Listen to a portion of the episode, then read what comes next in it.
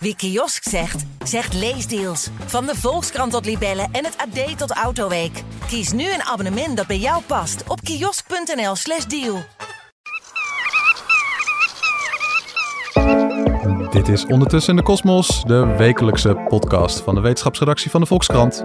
Mijn naam is Tony Mudde en we gaan het hebben over de staat van de Nederlandse natuur. Biologen die presenteren nu namelijk een lijst met 50 dieren en planten waarvan zij vinden dat iedere Nederlander die zou moeten kennen. Maar waarom juist deze dieren en planten? En is de ene soort dan belangrijker dan de andere? En ontbreken er misschien nog hele opvallende namen op de lijst? Ik ga het erover hebben met onze natuurredacteur Jean-Pierre Gele en wetenschapsredacteur Maartje Bakker, die voor een grote productie in de Volkskrant maandenlang Nederlandse wetenschappers volgden die een bedreigde soort in Nederland proberen te beschermen. Een soort Last of the Mohicans, maar dan voor dieren. Uh, Jean-Pierre, ja. Jij bent in je vrije tijd ook vogelspotter, weet ik. Dus Nooit spotter zeggen, Tony. Wat is het woord dan? Vogelkijker. Vogelkenner, vogelexpert. Spotten, dat doe je met vliegtuigen. Oké. en met je schoonmoeder. Oké, oké. Jij dan als vogelkenner. Uh, welke vogel hoorden wij hier aan het begin? We hoorden hier uh, de grutto.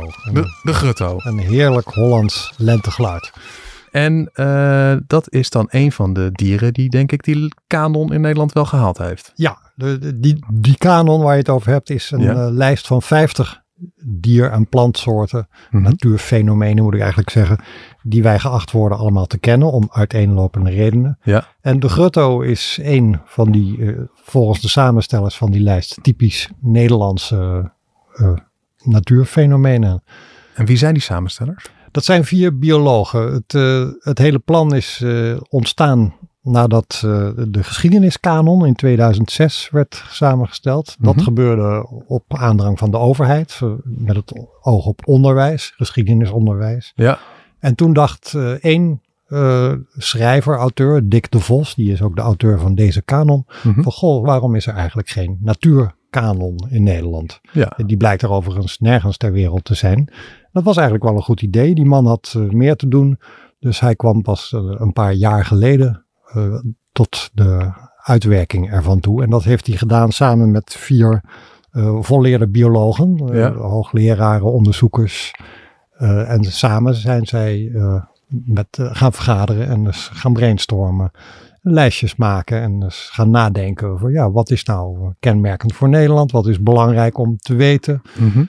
En hoe kun je die 50 zo opbouwen dat je ook een soort uh, vensters biedt, want dat is altijd het toverwoord bij kanons maken, uh, dat je aan de hand van één soort een wat breder verhaal kunt vertellen en uh, kunt wijzen op één bepaald aspect van de geschiedenis, of in dit geval de natuur. Ja, het is allemaal met het idee van als je iets van de Nederlandse natuur moet weten, dan ben je met dit boek heb je een, een goede basis. Ja, ja, ja. en wat die grutto betreft, om daar nog even ja, op door te staat, gaan. Waarom staat die erop? Nou, dat is een typisch Hollandse weidevogel die uh, helaas nogal bedreigd wordt, omdat de weide enorm aan het veranderen is. Die weide, daar is nauwelijks leven meer in te vinden. Dat komt door de landbouw. Mhm. Mm -hmm. En uh, Nederland was nou net vanwege zijn, zijn bodemgesteldheid uh, het belangrijkste land voor de grutto in zijn voortbestaan. Het is een trekvogel, maar in het voorjaar komt hij in Nederland. Mm -hmm. Daar broedt hij en dan trekt hij weer door. En juist omdat het in Nederland zo slecht gaat met de natuur, of in elk geval met de weidegebieden, is die grutto ernstig in aantal aan het afnemen. En het maakt hem dus wel typisch Nederlands. En zijn bedreigde status maakt het ook belangrijker dat je hem in die lijst zet. En voor de mensen die nog nooit een grutto hebben gezien, of er misschien wel een keer een hebben gezien, maar niet door hadden dat het een grutto was. Hoe ziet een grutto eruit? Een grutto staat op pootjes van ongeveer een centimeter of 10, 12. Hij is een beetje bruin, grijzig en hij heeft een hele lange rode snavel met een zwarte punt. Mm -hmm. Hij zit vaak uh, langs weidevelden op een paaltje met oh, prikkeldraad. Ja. En dan maakt hij een mooi geluid. Oh, ja. Dat we net hoorden. Ja. ja. En uh, Maartje, jij volgde nou, echt wel een aantal maanden uh, een aantal Nederlandse bedreigde soorten en de wetenschappers die om die soorten geven. Vertel eens wat over dat project. Waarom heb je dat gedaan? Ja, dat uh, begon inderdaad al een jaar geleden. Uh, eigenlijk vanuit het idee dat het met de biodiversiteit op heel veel plekken in de wereld eh, niet goed gaat. Mhm. Ehm, en eh, dat er volgens eh, sommige wetenschappers zelfs sprake is, nou misschien wel de meeste wetenschappers, van een zesde massa-uitstervingsgolf. Ehm, dat is vijf keer eerder in de geschiedenis van het leven op aarde voorgekomen. Dat er ineens heel veel eh, planten en dier en andere organismen verdwenen. Dat was zeg maar de, de, de, de dino's die er ineens aangingen. Ja. Dat was er dan zo eentje. Dat is de maar. bekendste, Ja. inderdaad. En dan zijn er nog vier. Ehm, en ook nu gaat het uitsterven heel snel. Er zijn nog niet eh, zoveel soorten uitgestorven als in het verleden. Maar het tempo is wel zodanig dat als het in dit, met deze snelheid doorgaat, dat eh, het wel de eerdere uitstervingsgolven evenaart. Dus met dat idee dacht ik, ja, het- dit is iets wat gaande is en tegelijkertijd ehm, zich ook een beetje ongemerkt afspeelt. Ja. Ehm, maar wel iets belangrijks om, om, om zichtbaar te maken, omdat het volgens mij een van de grote verschijnselen is die onze tijd eh, kenmerkt. Ja. Onze impact op de, de natuurlijke omgeving. Dus wat ik heel graag wilde doen is eh, een aantal soorten eh, die misschien niet zo bekend zijn, eh, maar wel bedreigd eruit lichten en met eh, wetenschappers optrekken om te zien, nou wat zijn dit voor soorten? En ook, ehm, ja, wat, wat doen ze om, eh, om ze te behouden? En ook om de vraag te stellen, is het nou belangrijk dat we elke soort behouden Ja. in Nederland? Dus ja, dat heb ik gedaan. Eigenlijk, het bleek dat de meeste dieren en planten tevoorschijn komen in de lente Ja. en de zomer. dus het was vooral het afgelopen half jaar dat ik veel ben opgetrokken met, eh, met een aantal onderzoekers. En in totaal vier soorten die op het punt staan te verdwijnen. En Noem er eens eentje. Ja, nou, één plant, het rozenkransje, een vlinder, het donker pimpernelbluitje. Ja. eh, een vogel, dat was de zomertortel. En eh, een zweefvlieg, de zwarthaarmelkzweefvlieg. Ja. En, en bedoel, ik, ik zal meteen eerlijk zeggen, ik had er nog nooit van die soorten gehoord. Alle, alle vier niet. Jij? Nee, ik ook niet. Nee. Nee. En, en ehm, ja, misschien moeten we toch... Jean-Pierre wel natuurlijk, de, Nou, zo- de zomertortel. Had jij niet biologie gestudeerd, hoor? Ja, nee, de zomertortel, daar had ik wel van gehoord, inderdaad. Maar die vlinder en het plantje en de, zweefvlieg niet. Ja, ik heb ooit lucht- en ruimtevaarttechniek gestudeerd. Ik ken al die vliegtuigtypes ook, Nee, niet, nee. ook niet hoor. Dat onderwijs kachelt achteruit. ja. En ja, ik bedoel, hier, hier kan je een, een, een 365-delige podcast-serie over maken. Maar als je zou moeten samenvatten de staat van de Nederlandse natuur Eh, in twee seconden. Wat is, nee, Ja. nee, maar iets langer. Wat, valt dat samen te vatten? Ik mag alleen maar zeggen slecht. Ja, nee. nee. Eh, nou ja, goed. Er zijn verschillende antwoorden op mogelijk. En die worden volgens mij ook de biologen wel gegeven. Eh, de een zal zeggen, nou, als je kijkt naar het totaal aantal plantensoorten bijvoorbeeld, dan, dan neemt dat niet af. Ehm, maar zelfs licht toe. Mhm. Maar anderen zeggen dan weer, ja, de, de soorten die erbij komen, dat zijn heel algemene soorten die op veel plekken op aarde gedijen en in veel verschillende eh, omgevingen. En de soorten die het moeilijk hebben, die hebben juist heel specifieke behoeftes. Ja, Ehm, en die eh, staan steeds meer onder druk. Dus nou ja, als je, ehm, wat, wat ik zelf wel interessante eh, data vond, was, dat kwam van het Planbureau voor de Leefomgeving. Die hebben becijferd dat als je kijkt ten opzichte van het jaar 1700, dat in Nederland eh, nog maar 15% van de biodiversiteit over is. Dus dat is heel erg weinig. ten opzichte Eh, van het jaar 1700 ja. is nog maar 15% van de soorten Ja, over. en dan steekt Nederland er internationaal eh, ook wel slecht uit. Komt Nederland er slecht uit internationaal gezien? Want om een vergelijking te maken, in Europa is dan 40% over van de biodiversiteit uit 1700 en heel de wereld 70%. Oké, Eh, ja. En daar kun je ook wel iets bij voorstellen, want Nederland is eh, een ontzettend intensief gebruikt land. Eh, de mens heeft ontzettend veel beslag gelegd op de ruimte in Nederland. Dus voor ehm, de rest van de natuur is dan weinig ruimte over. ja. Ja, wat ik Ja, nog wel nee, moet zeggen ik is... zit te denken van, dat ja. lijkt natuurlijk, eh, dan denken mensen, ja, 1700, eh, dat is al heel lang geleden, maar tegelijkertijd op de schaal van natuur en hoe soorten ontstaan, is het natuurlijk eigenlijk super kort geleden. Ja, ja. Eh, ja, inderdaad. Dus dat heb je niet zo, als ook al doen we heel erg ons best, over 300 jaar eh, hebben we waarschijnlijk niet eh, de volle 100% eh Nee, weer terug. precies. Wat ik wel erbij moet zeggen is dat het de laatste 20 jaar, zo sinds het jaar 2000, niet meer zo heel slecht gaat. De afname van de biodiversiteit is wel ehm, tot stilstand gekomen. En dat wordt dan weer gezegd, dat komt doordat er toch meer natuurgebieden worden aangelegd, Mhm. natuur wordt ontwikkeld. En Dus- er komen ook soorten bij. En er zijn soorten waar het niet slecht, maar juist goed mee Ja, daar heb jij over Dat, eh, geschreven, toch? Over ja, de, de ja, lichtpuntjes. eh. Deels uit therapeutische overweging, omdat het heel verleidelijk is om te denken dat we allemaal ten onder gaan. Dat denk ik stiekem ook wel.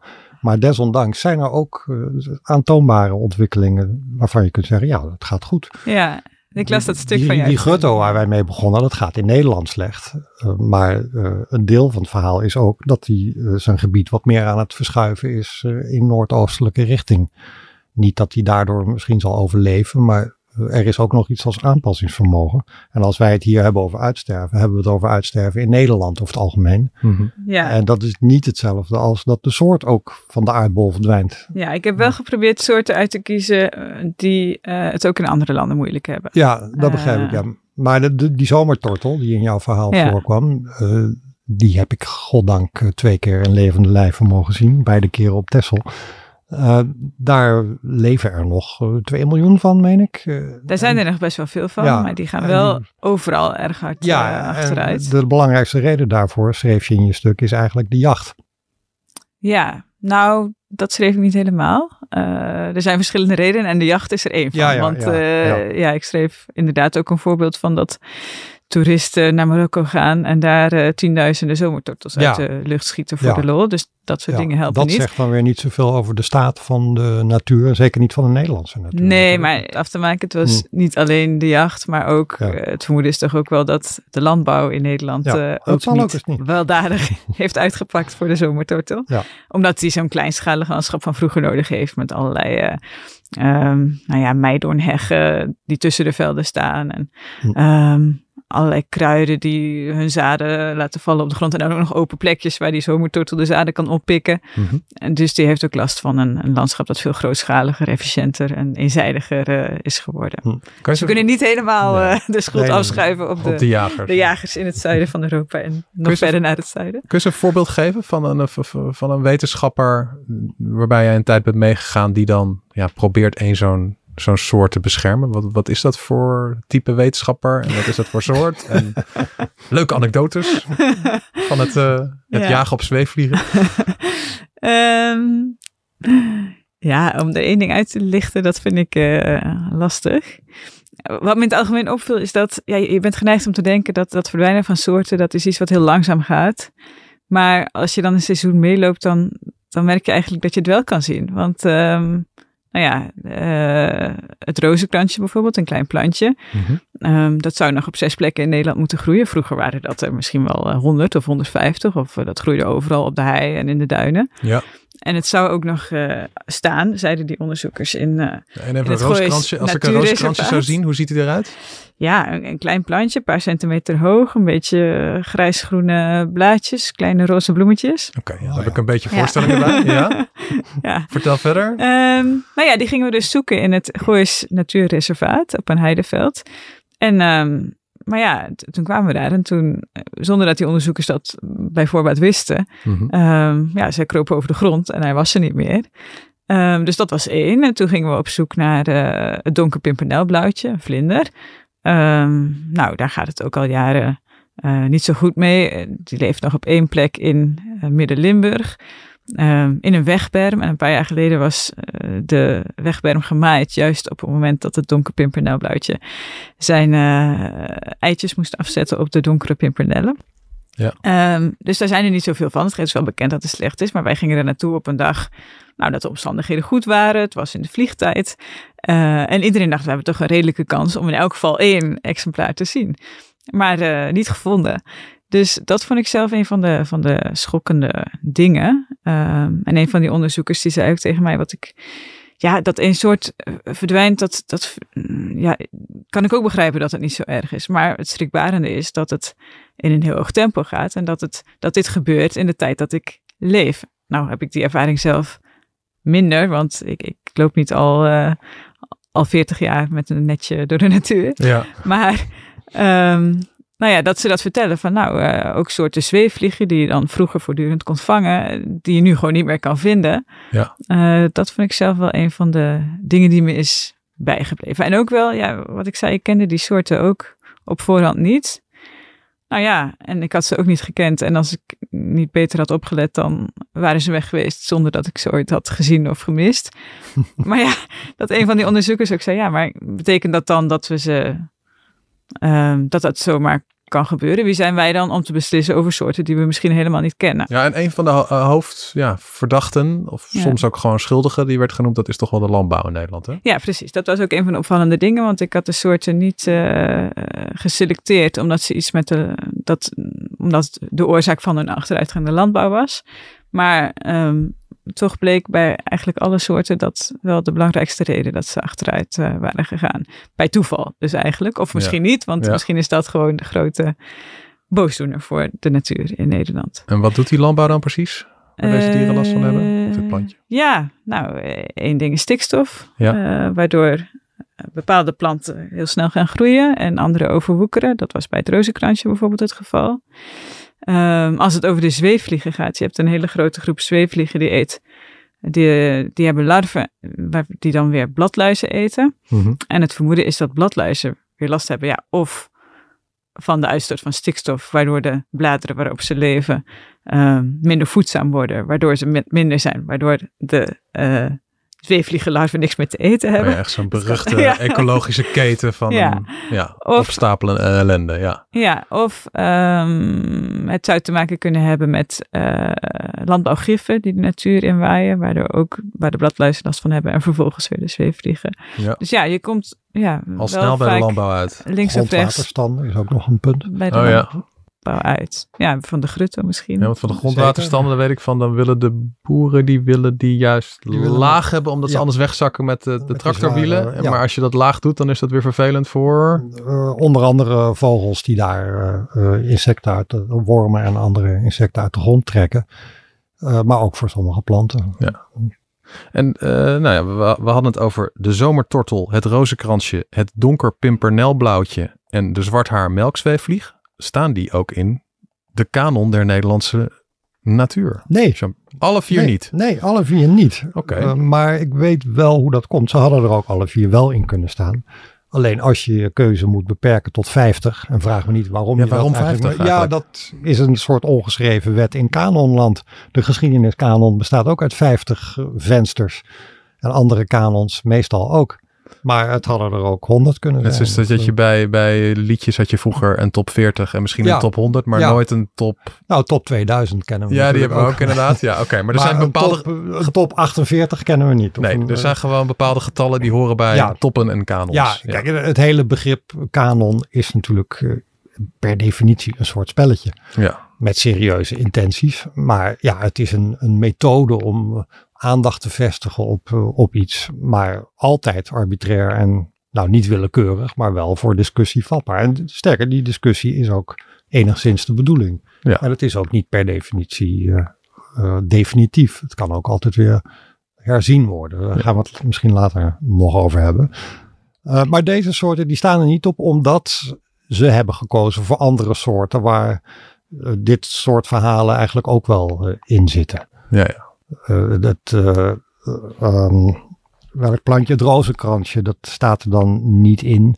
Maar wat ze dan weer wel hebben, uh, dat is het zinkviooltje. Wie kent het niet? Mhm. Mm -hmm. Het zinkviooltje, ik, die kende ik ook niet, moet ik eerlijk zeggen. Dat is ja. een klein plantje, dat leeft alleen in, in Zuid-Limburg. En dat is een plantje dat gedijt juist op vervuilde grond. Althans op grond die wij vervuild zouden noemen, daar waar veel zink in zit. En okay. in Zuid-Limburg zat veel zink in de grond vanwege de mijnbouw en vanwege rivierwater dat vanuit België en Frankrijk ons land binnenkwam, wat ook zwaar vervuild was. En dat plantje heeft het nu moeilijk omdat de mijnbouw in Limburg uh, verdwenen is. En uh, het water in kwaliteit is verbeterd. Ja, ja. En daarmee openen ze eigenlijk een beetje het zicht op uh, A, bedreigde plantjes uh, en B, op een andere kant van wat wij vervuiling noemen. Dat er gek genoeg ook wel weer soorten zijn die, net zoals stikstof natuurlijk leidt tot bramen en brandnetels. Dat is ook natuur. Ja. Uh, er zijn vaak wel soorten die juist ook weer gedijen op zoiets als wat wij vervuiling noemen. Ja. En dat maakt het op zich wel weer een, een grappig en interessant verhaal. En zijn nou het merendeel van de dieren en planten in die kanon daarvan zijn dat namen waarvan nou, gemiddelde natuurlijk denk van, oh ja, heb ik wel eens gehoord? Of zijn het Eh, jawel, veel hele onbekende? Eh, nou, het is een beetje een mengeling. Ze proberen natuurlijk te verrassen, maar er staan heel eh, gewone eh, dingen in. Eh, eh, de paling, eh, het konijn, de vos, Ja, ja. die staan er allemaal gewoon in. Dus dat is op zich eh, eh, een prima lijst. Eh, de- het criterium was onder andere, valt er een verhaal over te vertellen en is het op een of andere manier toch heel kenmerkend voor de Nederlandse natuur. En is er nou wel een soort nadruk op dieren die, ja, ik zal het maar even eh, knuffelbaar noemen. Wereld Natuurfonds doet niet voor niks een panda als logo en niet een, een, een Nee. superbelangrijk insect. Eh, Dat is inderdaad waar. Ik heb me wel eens laten vertellen door iemand die bij het Wereld Natuurfonds werkt. Dat een van de redenen waarom die panda tot logo werd verheven is dat die zwart-wit is. Want dat was destijds lekker goedkoop in het drukken van briefpapier en posters. Alles moest je in kleur drukken. Grappig. Dat speelde ook nog mee. Maar Ja. jij doelt op de knuffelbaarheid en Ja. dat is waar. Maar in deze kanon staat, dat vond ik dan wel weer verrassend, want ik kende hem niet, de grote blauwkopworm. Dat, is, dat is de gewone regenworm trouwens. Oké. Die kennen we allemaal Ja, wel. daar zou je niet meteen mee gaan knuffelen. Nee. Nee. Wist jij dat er eh, in Nederland ongeveer 30 verschillende soorten wormen in de bodem zitten? En dat er wereldwijd zo'n 7000 bestaan? Wist ik allemaal niet. Maar wat Mhm. ik verrassender vond nog, is dat Nederland een van de grootste wormendichtheden van Europa heeft. Met wel duizend wormen per vierkante meter in de grond. En dat komt omdat de wormen gedijt in vochtige, koele en niet al te zure bodem. En die heb je in Nederland, met name in de, de lagere gebieden, veel kleigronden en veengronden. Dus we zijn Europees kampioen wormendichtheid. Ja, en dat maakt hem eh, Ja. bij uitstek geschikt voor de kanon van de Nederlandse natuur. Dat vond ik wel weer verrassend. En dat, dat is sowieso wel het leuke van dit initiatief. Hoe discutabel misschien sommige soorten ook zijn, wat dus de bedoeling ook is. Eh, je leert er ook van alles door. Allerlei eh, dingen die je toch niet wist. En speelde dat nog bij de wetenschappers die jij sprak, Maartje? Van, van zo van, nou ja, als ik kies voor, ik noem maar wat, de vos, dan spreekt dat misschien meer mensen aan dan wanneer ik kies voor een zweefvlieg. Ja, nou bij sommige onderzoekers eh, speelde ook wel de frustratie eh, dat hun soort minder knuffelbaar was en dus ehm, minder serieus werd genomen in eh, de natuurbescherming. Met name bij de plantenonderzoekers eh, speelde dat wel. Ik had Mhm. aanvankelijk ook wel af en toe in mijn stuk geschreven plantje, Oei. omdat het rooskransje niet al te groot is. Maar toen vroegen ze toch om mij om dat te veranderen in plant, omdat plantje te denigrerend eh, Ah. klonk. En ook, Ja. ja, Tere zielen in uh, Ja. nou ja, dat hadden ze net iets te vaak gehoord van ja, doe, die plantjes. Ze hadden daar helemaal een negatief eh, gevoel bij. Dus ja, zij kennen dat wel. Hmm. Aan de andere kant, eh, bijvoorbeeld eh, ehm, als je het hebt over het eh donker pimpernelblauwtje, de vlinder. Ehm, ja, in het algemeen vinden mensen vlinders eh, wel leuk. Ja. Dus maken biologen daar ook gebruik van. Want eh, ja, aan de ene kant is het mooi om het donker pimpernelblauwtje te beschermen. Aan de andere kant, als je weilanden, dat beestje leeft in natte weilanden, heel bloemrijk. als je die inricht op een manier waarop de vlinder zich thuis voelt, ehm, dan win je daar veel meer mee. En dan winnen ook allerlei insecten die je misschien niet eens zou herkennen of die niet zo in het oog springen, die hebben daar ook iets aan. Allerlei planten. En het geheel is dan Ja, eh, ja. nou ja, eigenlijk wat biologen graag willen. Want misschien zijn die nog meer geïnteresseerd in het beschermen van ecosystemen dan nou in één eh, specifieke soort. Alleen met één soort kun je net iets makkelijker. eh, En dan kies je een soort posterboy of girl uit die dan, als je Ja. die helpt, dan help je de rest ook. Ja. Dat ja. begrip ecosysteem is ook wel eh, een kernbegrip waar dit allemaal om draait eigenlijk. Hè? Want wij kunnen het hebben over hoe erg is het dat eh, één organisme uitsterft. Dat is vrij zelden echt erg. Maar het verhaal dat eronder ligt is dat het een schakeltje is in een ecosysteem dat onderuit gehaald kan worden naarmate er meer soorten uitsterven. Ja. En als een ecosysteem in elkaar dondert, dan heb je echt een serieus probleem. Om het extreem te zeggen, als eh, bestuivers, insecten uitsterven massaal, dan wordt ons voedsel niet meer bestoven. Dan, dan moet je zelf met kwastjes in de weer om, eh, om nog een appel eh, eh, aan een boom te krijgen. Nou, dat gaan we niet redden als mensheid. Dus de, als insecten uitsterven, dan sterven wij mensen ook uit. Zo simpel is het. En eh, een of ander zweefvliegje dat verdwijnt, is het begin van, kan het begin zijn van zo'n ontwikkeling. Ja. Dat is eigenlijk het verontrustende wel van dit soort berichten, vind ik. Ja, je kunt er wel op verschillende manieren naar kijken. Want je kunt zeggen, ja, zolang het ons niet raakt of als het, zolang het ecosysteem niet omvat, is het allemaal niet erg. Zeker. Ja, je kunt natuurlijk ook zeggen, elk organisme heeft waarde op zich. Ja. Ja. Is ook een valide redenering van waarom zouden mensen... Wie zijn wij om eens het leven zuur te maken? Ja, waarom zouden mensen belangrijker zijn dan de rest en, en doen andere soorten pas toe als wij er iets aan hebben? Ja. Ja, ik Wat- weet niet of... Wat een, wat dat een, is een manier om ernaar te kijken. Wat een mooi bruggetje is naar het, het, volgende dier waar ik het graag over, eh, met jullie over wil hebben. Ik druk even op de knop op mijn mengpaneel.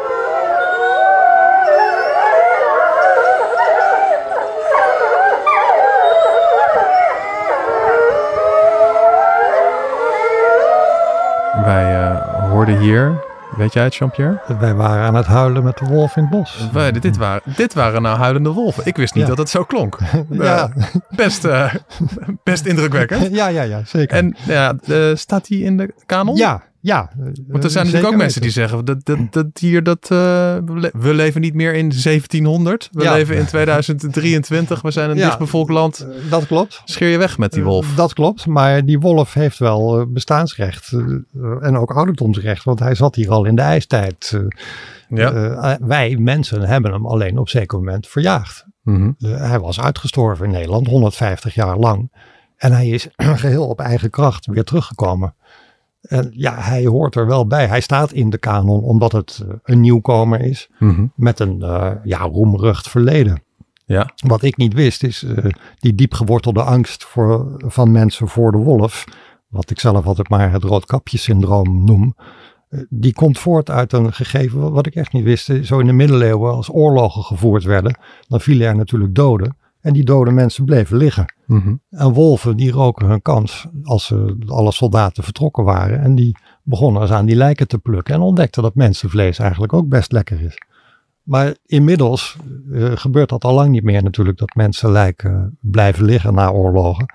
Dus die hele reflex van wolven om een mens te eten, die is al lang ook weer verdwenen. Dat komt nauwelijks meer voor. Maar tegelijkertijd snap ik dat als jij een gezin bent met, ik noem maar wat, een paard of een paar schapen. Mm-hmm. En je komt 's ochtends aan en je, en je paard is in stukken gereden. Dan schrik je een ongeluk. En dat die kinderen dan vervolgens niet meer durven te spelen in de tuin. Ja. En noem maar op. Dat, Ja. Ik kan me levendig voorstellen dat Ja. mensen daar last van hebben. Zeker, ik ook. Maar het eerste wat die eigenaar dan had moeten bedenken is: goh, had ik niet eh, betere hekken om mijn uh, schapen of paarden moeten zetten? Mhm. Want die zijn er, dat kost geld. Dat moet je wel bereid zijn te betalen als je die beesten houdt. Dat is stap 1. Mm-hmm. En de volgende stap, dat uh, jouw kinderen bedreigd worden omdat er ergens een wolf rondloopt, die is toch echt toch uh, niet gerechtvaardigd. Uh, er zijn wel wat filmpjes op sociale media, waar heel bekend is dat filmpje van een fietser ergens op de Veluwe, waar een wolf achteraan rent. Mm-hmm. ja, dat, dat is een, een uitwasje, dat geef ik onmiddellijk toe. Maar ook die wolf heeft de fietser niks gedaan. En het zijn echt uitzonderingen. Ja. Daar hadden we ook een stuk over in de krant, toch? Over confrontaties met gevaarlijke dieren. En ja. ja. volgens mij herinner ik me daarvan dat de honden nog altijd veel meer slachtoffers maken ja. dan ja. wolven. Ja. Uh, Niet zo lang nou geleden heeft een, een, hond een baby doodgebeten in, ergens in het oosten van het land. Nou, dat was een één kolommetje in de krant, maar... Ja, stel je voor dat het de wolf uh, ja. was geweest. Als dat de wolf was ja. geweest, hadden we drie weken lang uh, iedere avond talkshows op tv over de wolf ja. gehad. Ja. Nou zijn die honden ook nog wel met iets meer, maar... uh, dat is waar. Ja. maar dan nog inderdaad, dus het aantal beetwonden van honden is natuurlijk vele malen uh, groter. En, en speelt er nou bij die, bij die, bij die wolf, hè, dat je dus eigenlijk is daar de discussie van, ja, hoeveel ruimte mag de mens innemen ten opzichte van een diersoort? Speelt dat nou eigenlijk ook precies hetzelfde bij die soorten die jij volgde, Maartje? Ja, eigenlijk wel natuurlijk. Want ja, um, ja uh, je kunt de vraag stellen van nou is het, is het nou zo erg als er in zo'n soort uh, verdwijnt. Maar je kunt het ook omkeren natuurlijk en zeggen van ja, is het heel erg als wij um, op een iets schonere manier landbouwbedrijven iets minder stikstof uitstoten en minder gifstoffen gebruiken. En op die manier een aantal andere soorten kunnen behouden. Mm-hmm. Ja, dat zijn de, de belangen die je tegen elkaar af moet wegen. Je kunt heel makkelijk zeggen, nou, zulke kleine beestjes, wat doet het ertoe? We missen ze niet. Maar goed, aan de andere kant van de balans staat iets wat misschien ook niet uh, tot een absolute waarde hoeft te worden verheven. Dus ja, ja, uh, ja. dezelfde discussie speelt steeds. Ja. En de, nou, de, slotvraag, de, de, de, de kanon. We hebben nu een soort top 50. Um, ja, dit lijkt me een levend ding, toch? Dit, dit moet over, over vier jaar staat het pimpernelblauwtje er wel in, toch? Uh, nou, dat ligt er een beetje aan hoe het met het pimpernelblauwtje zal gaan natuurlijk. En dat geldt eigenlijk voor al die, die 50 uh, genoemde begrippen wel. Mm -hmm. Met de geschiedeniskanon zag je dat in, uh, wat wanneer was het, 2020, toen is die herzien. Omdat ze tot de conclusie kwamen dat er toch wel iets te weinig vrouwen in stonden. En ook iets te weinig over ons koloniale verleden en de slavernijhandel. Mm -hmm. dus dat, dat kan heel goed. Welke zou je er zelf, uh, zou je zelf nog willen nomineren? Um, welke ik zelf nog. Nou, uh, iemand heeft mij ooit eens gevraagd. Uh, welke vogel denk jij dat het meest voorkomt in Nederland? En toen dacht ik, ah, moet je eventjes kijken naar die jaarlijkse tuinvogeltellingen. Die ze met vroege vogels houden. Merel of mees. Ja. Maar het is dus de kip. Oh, ja, ja natuurlijk. Dat is ja. een beetje flauw. Ja. Maar ja, je kan je wel afvragen, is dat natuur of niet? Hetzelfde geldt voor de koe in de wei. Is dat nou natuur? Of, ik zou zeggen van niet. De schaap trouwens ook, het schaap. Het zijn wel dieren en, en dat is een beetje een lastig gebied. Ja. En het is ook wel weer typisch Nederlands dat, uh, dat wij er zoveel van hebben op zo'n klein oppervlak. Wat staan die erin? Ze staan er niet in. Nee, staan er niet nee. in? Okay. Het varken wel, althans het zwijn. Ja. En daar wordt een vergelijking gemaakt tussen het, uh, het everzwijn en het uh, varken in de bio-industrie, mm -hmm. uh, die zeer nauw aan elkaar verwant zijn en in gedrag vrijwel identiek zijn. Uh, um, maar een andere, de braam bijvoorbeeld, daar hadden we het al even over vanwege de stikstof. Die staat er niet in. Die Ik doet het wel, juist goed, toch? Die doet het heel goed. Stikstof, ja, ja, ja. die gedijt op, op stikstof. Die vind je werkelijk overal. En is, is ik wist ook niet dat daar heel veel verschillende soorten van bestaan. Een paar tientallen verschillende soorten bramen. Maar die, die heeft plaats moeten maken voor de brandnetel, waar min of meer hetzelfde voor geldt. Uh, die gedijt ook op stikstof. Uh, er zijn er dus ook veel van. Maar ja, je moet een beetje kiezen als je er maar 50 mag maken. Maar die had er ook in gekund. De jeneverbes, een boom die heel veel te maken heeft met die typische jenevercultuur in Nederland. Die uh, had er ook okay. in gekund. De wilde nog... eend had ik wilde ook eend? noemen. De wilde eend, die kent iedereen. Wil jij er nog eentje nomineren, Maartje? nou, zo uit mijn blote hoofd. Vind ik uh, lastig. Um, en ik heb ook niet, ik weet niet eens welke er allemaal in staan. Dus uh, oh, ik pas. Nee? Dan doe ik gewoon het pimpernelblauwtje voor jou. Oké, okay, okay. ja. Dit was Ondertussen in de Kosmos, de wetenschapspodcast van de Volkskrant. Grote dank aan mijn gasten van vandaag, Maartje Bakker en Jean-Pierre Gele. Mijn naam is Tony Mudde. Graag tot de volgende keer met weer een geheel nieuw onderwerp. Tot dan.